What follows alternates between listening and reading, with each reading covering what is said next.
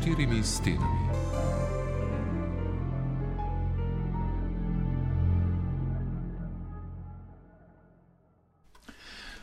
Deset in devet minut je zdaj le, spoštovani poslušalci, v tokratni oddaji bomo govorili o patološkem odnosu med materjo in sinom, ki kasneje odraslemu moškemu lahko predstavlja resne težave. Kako in zakaj je lahko ta odnos zapleten, kako se kaže v primarni družini in kako pozneje. O vsem tem in še čem Lucija Fatur danes s Petrom Tropičem, psihoterapeutom z Inštituta za zasvojenost in travme. Takole, Petr Topič, lepo zdrav. Pozdravljeni. Ste univerzitetni diplomirani socialni delavec, sicer pa psihoterapeut z Inštituta za zasvojenosti in travme, je tako? Ja. In danes, kot smo slišali v napovedi, bova govorila o enem takem prav posebnem odnosu mati-sin. Pa morda za začetek vprašanje, ali je ta odnos mati-sin kaj bolj poseben, kot so drugi odnosi med starši in potomci, recimo oče-hči, oče-sin, mati-hči. Pa po svoje niti ne. ne. Tisto, kar je zelo poseben, je seveda, da se rodimo iz mame. Ne. Oče ima tukaj drugačno vlogo. Tisto, kar je mogoče poseben, je, da je uh, pri mami zelo pomembna vloga, seveda skozi vse obdobje odraščanja, ampak recimo, če gledamo simbiotično obdobje, prvo leto ne. in potem tja nekje do petega leta ima mama sigurno prevladojočo vlogo pri uh, uh, odraščanju otrok. Potem pa postane uh, nekje po petem, med petim in enajstim, dvanajstim letom, pa postane očetova vloga zelo pomembna. Ne. Tako da drugač pa nekih takih zdaj skrajnih, ne vem, posebnosti niti ni. Ne. Vsi odnosi so kompleksni, ne. Uh, tako da mogoče tokno za začetek. Očetova vloga pomembna tako pri sinu kot pri hčeri? Ja, seveda pri obeh. Ne. Uh, pri sinu mogoče zato, ker je uh, na nek način zgled, ne, oče model, uh, kaj naj bi uh, fant postal ne, v odraslosti, pri hčeri pa ne, bo oče na nek način model tega, kaj bo iskala v življenju, ne, kakšni moški bodo zanimivi in privlačni. Pa seveda tudi, da hčerko sprejme. Ne, Velikrat je za očete lahko izziv, recimo še posebej obdobje tam nekje po 11., 12., 13. letu, ko se dekle začne spreminjati v mlado žensko. Ne, eh, in se včasih lahko očetje malo zadregi, kaj je zdaj s to eh, ne, punco, ki se je začela razvijati, tudi seveda v seksualnem smislu. Ne. In uh, doskrat poslušam recimo kakšne zgodbe, ko, ko rečejo dekleta, ne, prej me je oče zelo. Ne, mi je pusto blizu, pa sem se crklala, pa to potem pa naenkrat je ta distanca ratala precej večja. In, in lahko gre ravno zato, ker se moški ne znajde čist, kaj bi zdaj s to ne, razvijajočo seksualnostjo pri punci, je pa to seveda za njo zelo pomembno. Ne. Povod za najn pogovor pa je pravzaprav knjiga, ki je izšla ne, prejšnji teden, če lahko prejšnji tako teden, rečem. Ja. Naslov je poročen z mamo. Um, Vi ste napisali predgovor in tudi knjigo uredili, ne, pregledali. Ja, jaz sem predgovor napisal, pa strokovni pregled sem naredil. Uh -huh. uh, knjiga je pravzaprav nadaljevanje na nek način. Uh, prejšnje knjige, ki jo imamo tudi prevedeno v slovenščini, ne, se pravi, mislim, slovenski jezik uh, z naslovom Potihem zapeljani, istega avtorja, Kena Adamsa. Uh, Uh, išla je pred leti, žal se je ne da več kupiti, ne, ta je pa uh, bolj kompleksna, bolj obsežna uh, in tudi novejša, ne, istega avtorja in govori še posebej o odnosu mama-hči. Čeprav uh, bralci uh, si zlahka prevajajo zraven recimo na odnos uh, mama-hči ali pa oče-hči, uh -huh. ker gre za isto dinamiko. Ne. Tukaj je posebej seveda opisan odnos mama-hči, zato ker uh, uh, je ta dinamika v slovenskem prostoru uh, tudi zelo pogosta, se ni samo v Sloveniji, ne, ampak pri nas je kar uh, pogosta, uh, ker imamo take. Ne bom rekel ugodne okoliščine, ampak imamo veliko takih raz, razlogov za to, da se taka dinamika razvije in to so recimo alkoholične družine. Ne. Se pravi, vsi odnosi ali vse družine, kjer je odnos med mamo in očetom uh, moten, v smislu, da nista starša povezana, lahko pride do tako imenovane dinamike ne, uh, ujetosti v odnosih starši. Zdaj, seveda, v tej knjigi, kot so že rekla, ne, je opisan odnos mama-sin. Mama Uh -huh.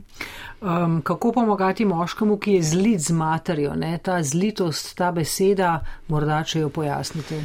Ja, zdaj, kar se tiče zlitosti, ne, ta beseda ni najbolj uh, ustrezna, ampak boljše nismo najdli, ne, ker uh, ekipa, ki se je ukvarjala s prevodom in urejanjem knjige, uh, smo poskušali najti najbolj primern izraz um, in sicer gre za angliško besedo enmeshment. Ne. Uh, ta beseda ima precej bolj jasno op, vključuje vse različne dinamike, ki so vključene, uh, mislim, ki jih uh, opisuje tudi ta knjiga. Ne.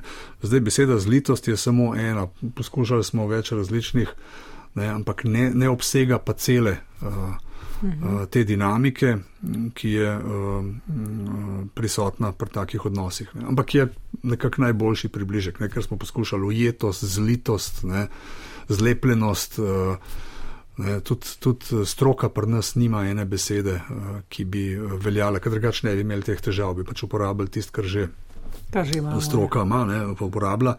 Tako da smo pač izbrali besedo zlitost. Ne. Kakšen je odrasel moški, ki je zlit z mamo? Ja, tak moški ima lahko precej težav. Ne. Zdaj simptomi, ki jih pogosto uh, opažamo, oziroma tisti, ki je najpogostejši, ne, je ponovadi krivda.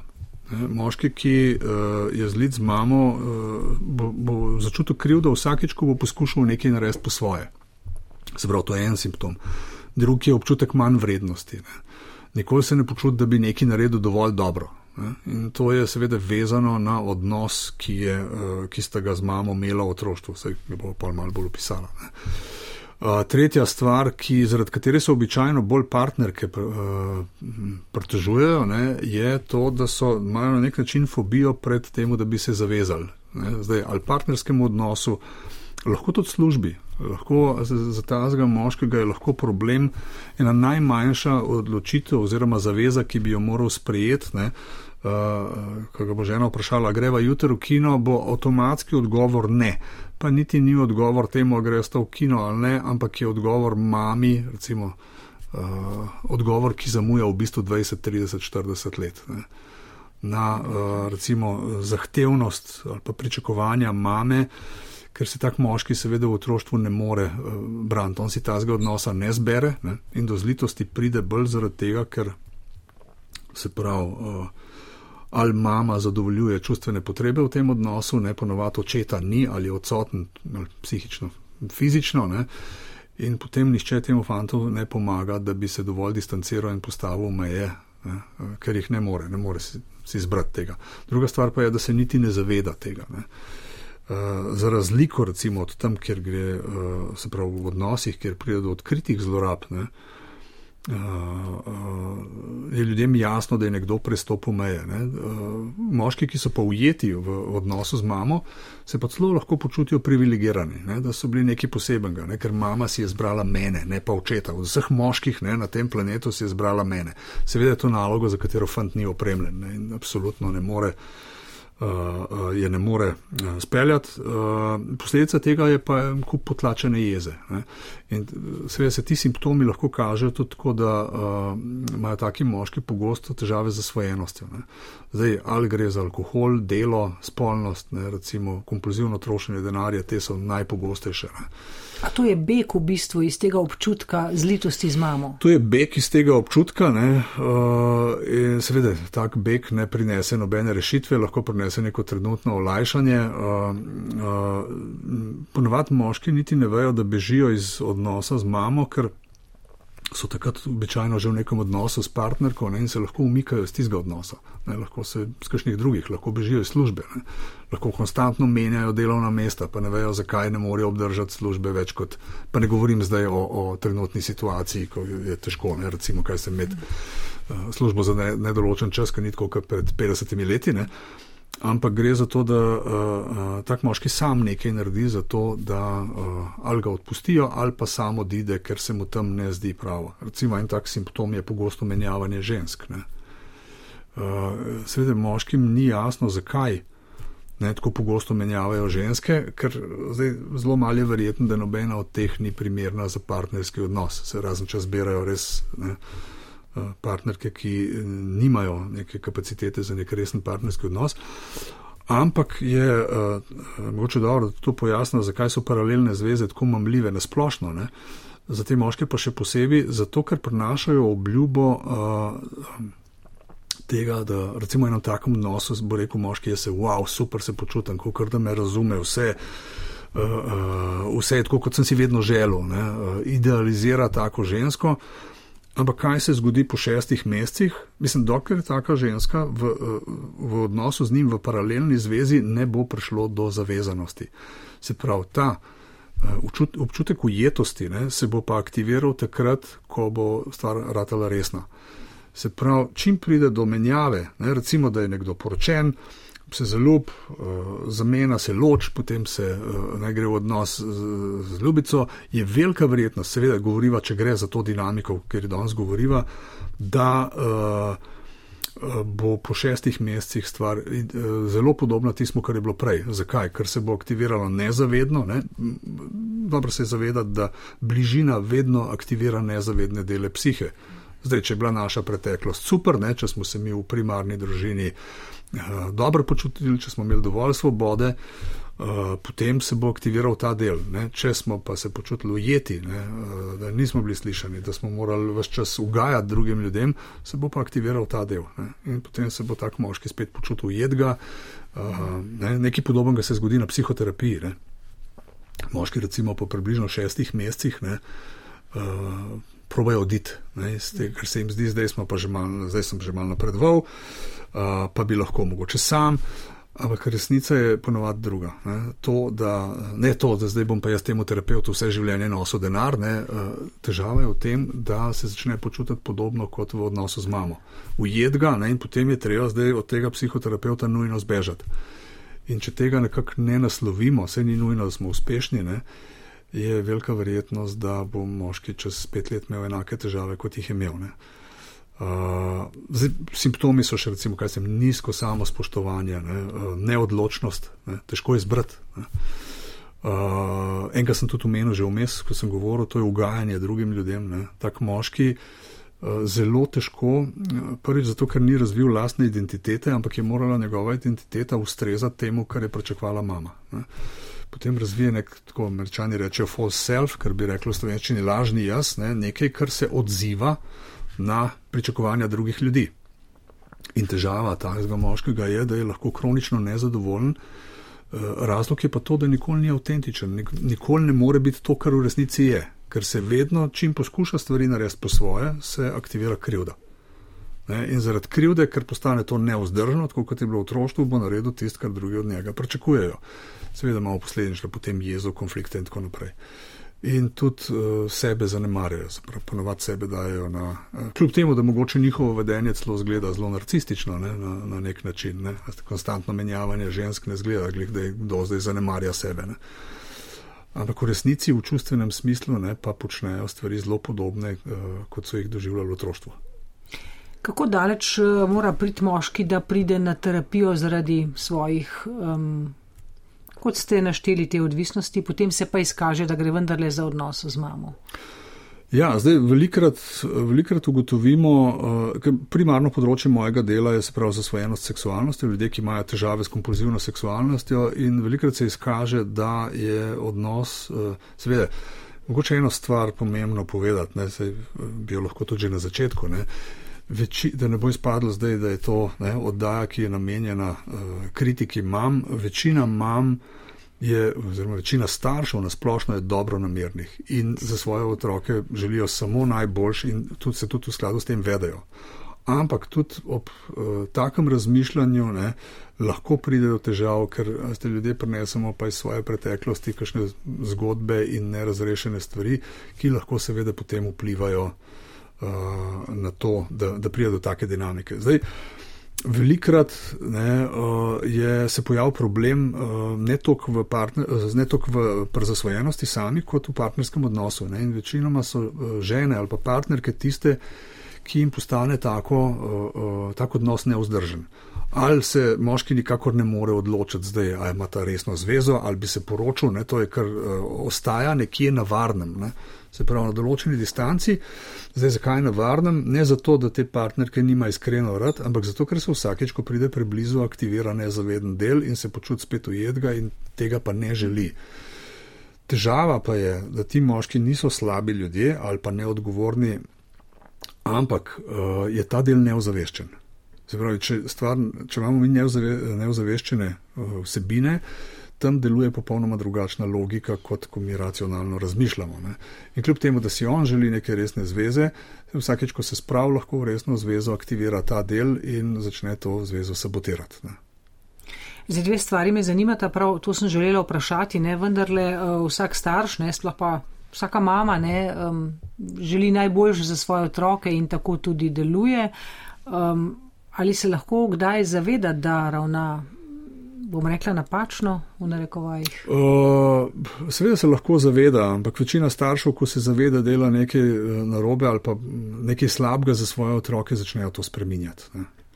Razen seveda v primeru, ko je pri njih to neozaveščeno, ne, imamo da traumatične izkušnje, kar to, o čemer mi da danes govoriva, seveda so, uh, se prenašajo tudi iz generacije v generacijo. Uh, ni redkost, da ima mama same, ta, sama take izkušnje ali pa kakšno nerazrešeno travmo iz otroštva. Uh, problem je takrat, ko, ko uh, kljub temu, da se zavedamo, tega ne, ne spremenimo ali pa nič ne naredimo s tem. Zdaj, zelo malo je ljudi, mora biti zelo specifično osebnostno strukturirani, da ko se zavejo, da škodujejo svojemu otroku, da tega vedenja ne poskušajo spremeniti. Ne. Uh, ni pa nujno, da je to nala, najlažja stvar. Ne. Včasih rabimo pri tem pomoč, to so lahko seveda partnerji, ne, uh, v tem primeru recimo mož, partner, ne, lahko so prijateljce. Ne. Ker v bistvu te dinamike, eh, mislim, kdaj pride do težav. Ne? Težav pride takrat, ko začne recimo mama zadovoljevati svoje čustvene potrebe v odnosu z otrokom, ne pa z, z partnerjem ali pa s prijatelji oziroma s prijateljcem. Um, to se pravi, v imenu skrbi in ljubezni je prav, da sinu stojimo ob strani in kdaj je to narobe. Absolutno je prav, da mi sinu stojimo ob strani. Na robe je takrat, ko stojimo sinu ob strani, zaradi tega, ker je naše življenje prazno. Ne? In ker mi takrat v resnici zadovoljimo neko svojo čustveno potrebo. Ne? Se pravi, če smo mi osamljeni, pa ne vemo, kaj bi, kaj bi zdaj naredili, nimam nobenih prijateljev, nimam prijateljc, najlažje je, da se zmenim s sinom, pa greva mi dva, ne vem, ga pelem na športno aktivnost, grem z njim na koncert, karkoli. Ne? Uh, pravi, vedno je treba razumeti, kaj je namen tazga vedenja. Samo dejanje ne, ni problem, tako da, da ne bi zdaj poslušalci mislili, da če naredim to, pa že škodujem svojemu sinu. Ne, ne seveda, da ne, ni vedno enako, ampak ko pa gre za vzorc, ne, pravi, ko mi čustvene, se pravi, če bi poenostavil, ko svoje življenje živimo prek svojih otrok, je pa to ni dobro za nikogar. Ne za partnerja, ne za nas, ne za otroke. Ne seveda najvišjo ceno pri tem plačajo otroci. In, in tudi otroci tega ne zberajo, nimajo nobene izbire. Um, zdaj mi prihaja na misel, kaj pa recimo samo hranilke sinom, ne? Ali so tu v nekem takem uh, kočljivem položaju ali niti ne? To je zelo pomembno vprašanje. Uh, jaz vedno na predavanjih povdarim, da to, če je mama samo hranilka, to nikakor ne pomeni, uh, da bo zdaj prišlo do take dinamike. Ker mama samo hranilka ima lahko čisto urejeno življenje, lahko ima uh, kvalitetne, se pravi, socialni krok, prijateljce, s katerimi zadovoljuje svoje čustvene potrebe, mogoče nima partnerja. Ne? Uh, vlogo uh, nekega pozitivnega moškega lika pri sinu lahko prevzame dedek, lahko je to ne vem, nek učitelj v šoli. Se pravi, ni to zdaj, uh, ne, da bi mislili, da mhm. če so pa mame samo hranilke, bo pa prišlo do tega. Ne, seveda obstaja večje tveganje za to, kar je ne, neka praznina ne, in je treba te meje ne, mogoče bolj odločno držati, zato ker sin se bo avtomatsko poskušal uh, sam zrint na mesto, ne, kjer bi naj bil oče ne, oziroma partner. Uh, in bo poskušal poskrbeti za mamo. Zato je tako pomembno, da mama dovolj zgodaj začne otroku govoriti: ne, ne, le jaz imam, vse je ljubko to, kar izražaš, ne, ampak jaz imam svoje prijatelje, ti kar pejt ven, pa se igraj s prijatelji. Ne. Se pravi, da mu zagotavlja, da ne rab skrbeti za njo. Otrok mora slišati, ne, da ne rabiš skrbeti za me. Jaz sem ok, se pravi, imam prijatelje, imam prijateljice In potem seveda bo otrok šel in se, se bo mirno prepustil igri in se ne bo ukvarjal s tem, kaj je zdaj z mamo.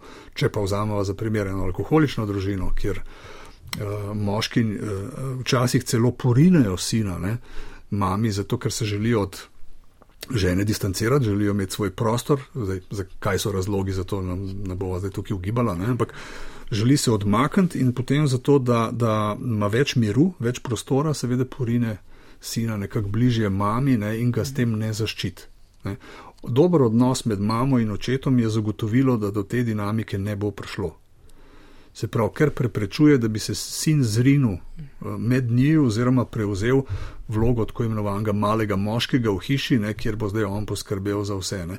Kljub temu, če pa gledamo literaturo, filme, ne, veste, ko se oče poslavlja, gre na fronto, ne vem, gre nekaj, zagrab tam, prime sina in reče: Zdaj si ti najstarejši v hiši, zdaj boš ti skrbel za mamo. Ne bo, ker ne more. Ne.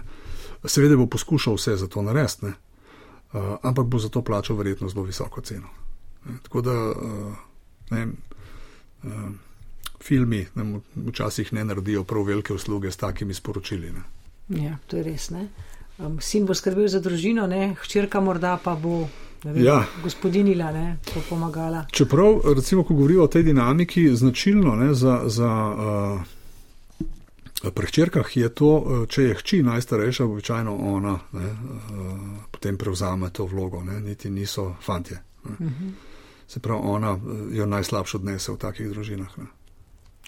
Se pri črkah potem uh, v, dobi odraslosti na enak način potem to kaže, recimo zlitost? Uh, ne, simptomi so mečkaj drugačni, pa tudi uh, uh, po svoje za hčerke bolj kompleksno na nek način. Ne? Zato, ker uh, fantje so običajno v takem odnosu, ne, ujeto, ujeti, zliti, ne, so samo z mamo. Uh, Medtem ko hčere so lahko z obema, ne, in z mamo in z očetom, kar je dodatno zaplete. Sploh takrat, ko začnejo ti ljudje postavljati meje, ne, eh, je še težje. Zdaj, simptomi pa, uh, se pa manifestirajo večkrat drugače kot pri moških, ne. velikrat so, uh, se odražajo skozi motne hranjenja. Ne. Uh, recimo, zasvojenost z odnosi je ena taka dinamika, ki je zelo pogosta. Uh, pogosto si izberejo partnerje, ki imajo težave na področju seksualnosti, eh, same jih imajo manj v smislu zasvojenosti. Ne. Ampak si izberejo nekoga, ki na tem področju ne, eh, ne, ni funkcionalen, tako kot so si želeli. Ne.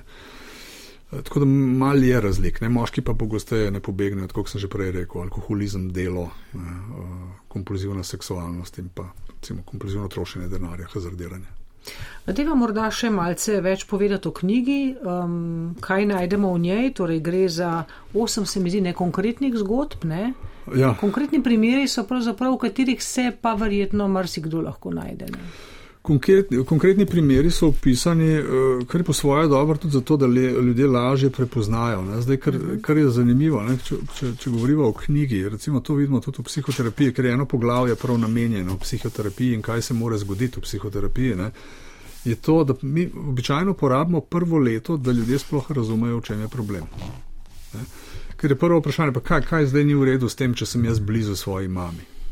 Ne? S tem ni nič narobe, seveda, ne? razen če gre za dinamiko, ki jo danes poskušamo osvetliti. Ne? To, da ima moški dober odnos z mamo, samo kaže na to, da ima kapaciteto v ljubezenskih odnosih. Ampak, ne?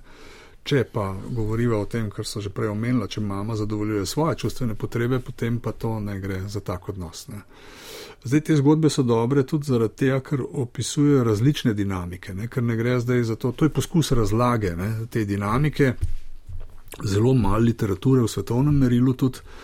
Zdaj, če bi strokovno ne, opredelila to dinamiko, bi rekla, da gre za inverzno simbiozo. Ne. To je izraz, ki se uporablja v transakcijski analizi simbiotičen odnos med mamo in otrokom je nujen. Ne, otrok brez tega ne mhm. preživi, ampak seveda po določenih obdobjih. Ne, tako imenovana primarna simbioza, prva, prvo leto in potem poznajo eh, še različne oblike, ampak ta simbioza se vedno bolj rahla. Ne, težava je, če je simbiotičen odnos v uh, obratni smeri. Ne, če otrok skrbi ne, uh, za, uh, v čustvenem smislu za starša. Ne. Tako da uh, te zgodbe so dobre, zato da ljudje lahko te različne dinamike prepoznajo, da vidijo, ali, ali se najdejo v tem mm. ali ne. Uh, predvsem je dobra knjiga v tem, ker razlaga um, to, kar je moškim, ki so ujeti v odnosu z mamo, zelo težko razumejo, kaj je sploh problem. Ne? Zakaj se jaz počutim tako krivga vsakeč, ko naredim nekaj po svoje, zakaj vse čas držijo svojo partnerko, da me kritizira, tako kot da sem jaz. A je to v bistvu strah pred mamo? Kako bo uh, mama odreagirala? Ja, v bistvu je strah. Eno je, zdaj kriv, da se sproši iz večjih razlogov in eden od teh je uh, strah pred maščevanjem. Ne? Ker mama, če se uh, tak fant v otroštvu ni odzval, tako kot je mama pričakvala, ga je verjetno kaznovala na nek način, da se je vrnil na stare tire, se pravi, da se je vedel tako, kot je ona želela. In to je bilo za otroka sila neprijetno. Ne? Ena od takih kazni je lahko ignoranca. Ne? In to je za otroka neozdržno. Ne? Ste se ignoranca, že če gledamo, ne? še, še zapor je najhujša kazen samica, ker je to ignoranca, nisi pomemben. Ne? In seveda otrok bo ob takem pritisku vedno popustil in bo naredil tisto, kar starši od njega pričakujejo. Ne? Se pravi, eh, knjiga je eh, za moje pojme fantastična, ker res pojasni eh, stvari, ki jih je drugače težko razumeti. Ne? Sploh ljudem, ki so ujeti v to dinamiko. Uh, te zgodbe so pomembne še z drugega vidika, ne? se pravi, tudi eno posebno poglavje, ki je namenjeno bolj partnerkam. Ne? Uh, kaj zdaj narediti, kako razumeti tako vedenje ne, uh, tega moškega, kaj narediti, če se nič ne spremeni, če ni pripravljen poiskati pomoči. Ne. Tako da v bistvu daje odgovore vsem udeleženim, ne, tako, tako staršem, kot otrokom, ne, kot seveda poznajo odraslim, tudi partnerjem. Ampak tisto, kar je eh, za moje pojme eh, najbolj dragocen, najbolj dragocenega, no, mogoče ena od najbolj dragocenih stvari v tej knjigi je, da ne najdemo ene žaljive besede za nikogar. Torej, jaz osebno ne verjamem, ne, da uh, če poskušamo te ljudi kakorkoli ne, uh, etiketirati, da to ne deluje. Pravzaprav ne, ti ljudje so imeli dovolj etiketo v življenju mm. in, in to ne bo nad spremenilo. Ne. Uh, že tako imajo sami sabo dovolj težav. Tako da uh, poskuša uh, različne razloge, ne, uh, oziroma različne vedenske dinamike pri moških ne, tudi nasloviti. Eno je, da eni, uh, ena kategorija moških poskuša bolj ugajati, medtem ko druga poskuša bolj kontrolirati. Ne. Dinamika je pa v bistvu ne, razlog za to, je pa v obojih isti, ne, samo da se na drugačen način manifestira. Ne. In pa uh, seveda tudi uh, to, kar smo že opisali, kaj se pravzaprav zgodi, ko tak moški spozna žensko ne, in kaj naj bi se zgodil, ne, zato da uh, bo lahko kvalitetno vstal v enem odnosu in se navezal na eno žensko, ne, ker drugače. Uh, tako kot v knjigi piše, drugače bo v najboljšem primeru neko zadovoljstvo najdel v službi, če bo imel srečo, ostalo bo pa obeleženo predvsej bolj z nezadovoljstvom in frustracijami. Ne? Ker sploh, če ne razumeš, zakaj, kaj se ti dogaja ne? in zakaj se vedno znova ene stvari ponavljajo, potem uh, si seveda zaradi tega frustriran. Odkud uh, materam v bistvu tako vzorec vedenja? A to izhaja iz njene primarne družine? Uh, Lahko je tudi ta razlog. Lahko je razlog to, da uh, je mama že tako živela ne, in da drugega ne pozna in pričakuje uh, enako od svojih otrok.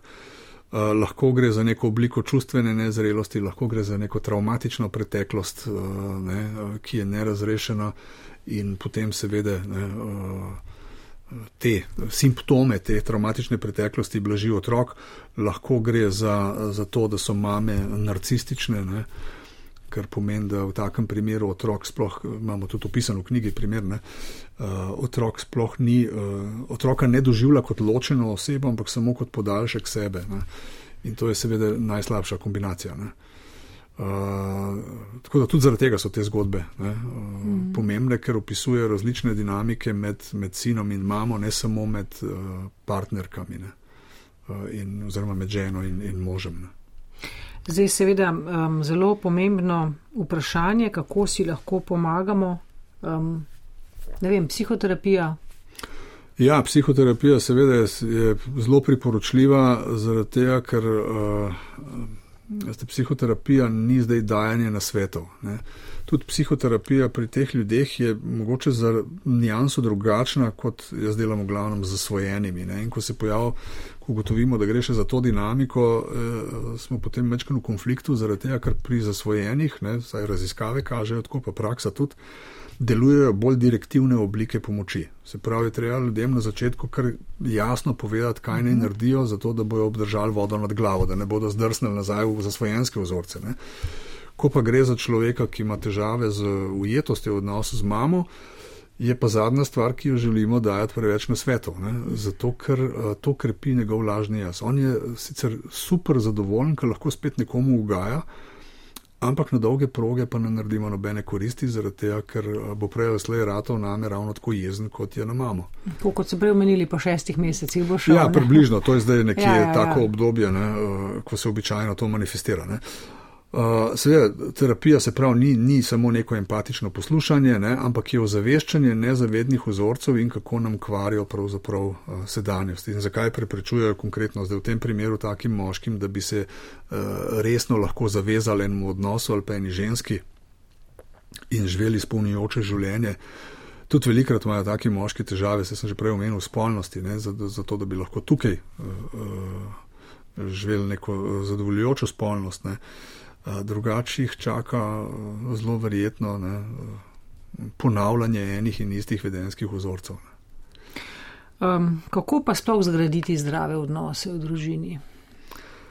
Ja, večinoma se moramo pogovarjati. Ne.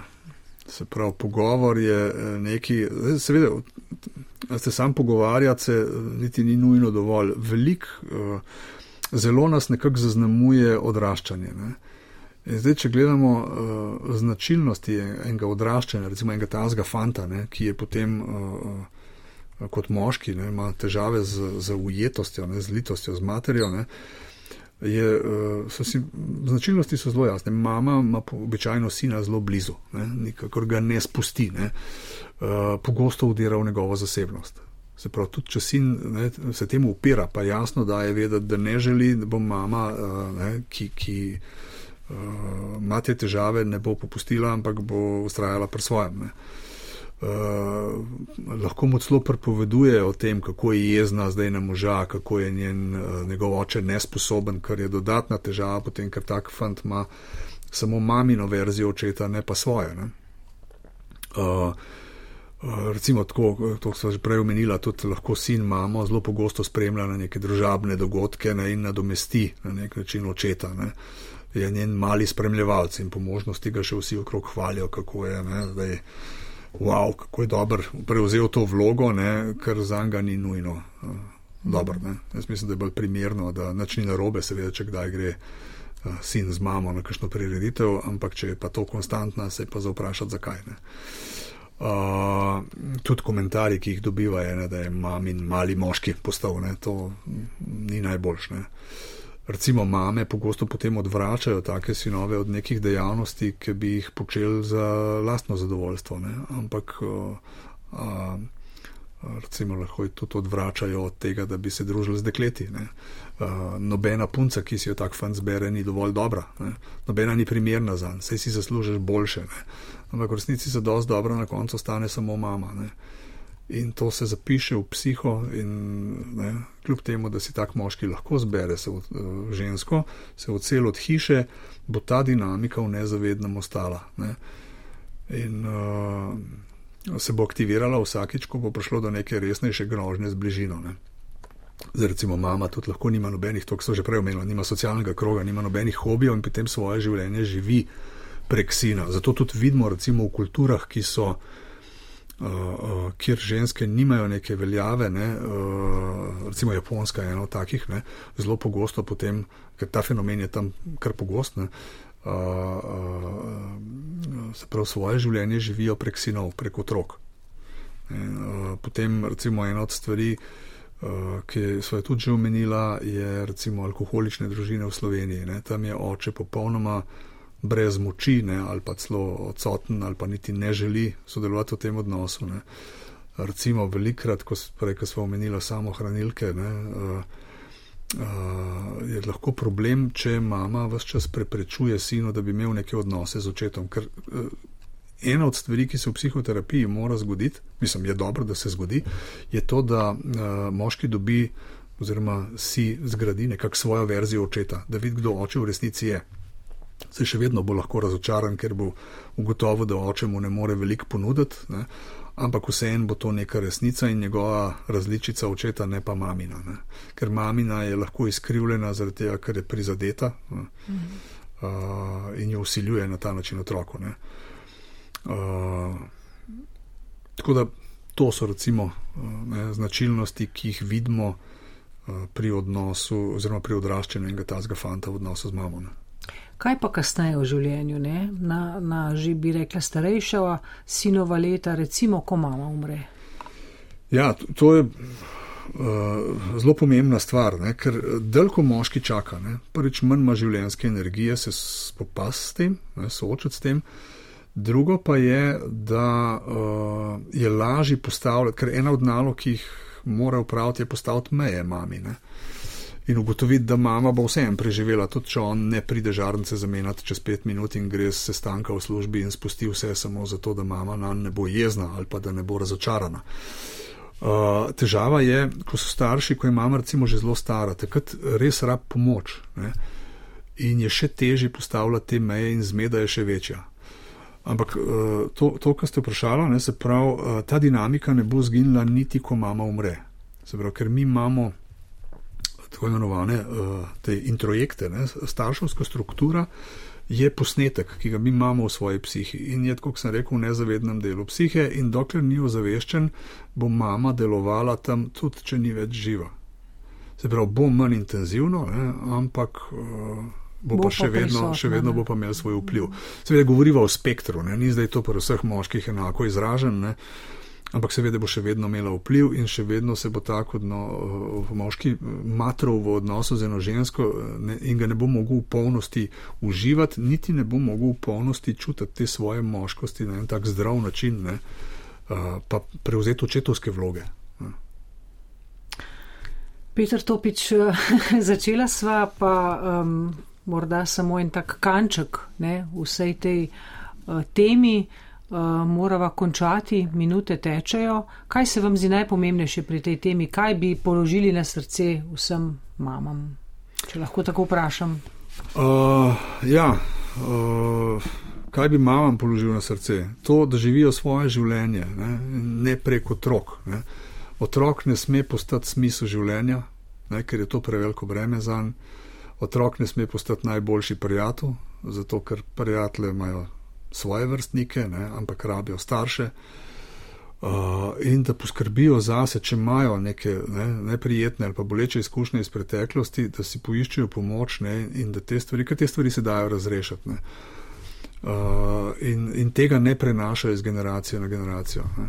Tako da obstaja pomoč, obstaja knjiga, zdaj jaz sem zelo vesel, da je ta knjiga išla pri nas, ne, tako da bomo lažje se pogovarjali, zakaj pravzaprav gre še enkrat, kot sem rekel, večina staršev ne, želi, svojim, ja, želi svojim otrokom sam dobro, ampak do te dinamike lahko pride tudi takrat, ko delamo vse prav, ali pa nekdo v družini zboli, ne, ali pa ima nekdo, recimo, kaj sem. Uh, neko težavo v duševnem zdravju, pa lahko se otrok čuti odgovornega, da mora zdaj poskrbeti za mamo, in če tukaj ni očeta, ne, uh, ki bo uh, zaščitil ne, in fantu dal dovoljenje, da se odmakne, ne, seveda lahko do te dinamike pride. Ne. Tako da tisto, kar bi jaz položil ja, staršem, ne samo mamam, tudi očetom, eh, ne, je, da se povežejo, da živijo kvalitetno svoje odnose, se pogovarjajo o stvarih. In uh, če so v dvomih, preberejo knjigo, grejo nekam strokovnjaku na en pogovor in ugotovijo, zakaj gre. Če gre za to dinamiko, da, mm -hmm. ker se da ogromno, veliko stvari se da preprečiti ali pa popraviti. Naslov knjige je torej poročen z mamo. Ja. Um, hvala lepa še enkrat, eh, Petr Topič, eh, psihoterapeut z Inštituta za zasvojenosti in travme, pa še kdaj o tej temi. Hvala in srečno. Z veseljem, hvala za povabilo.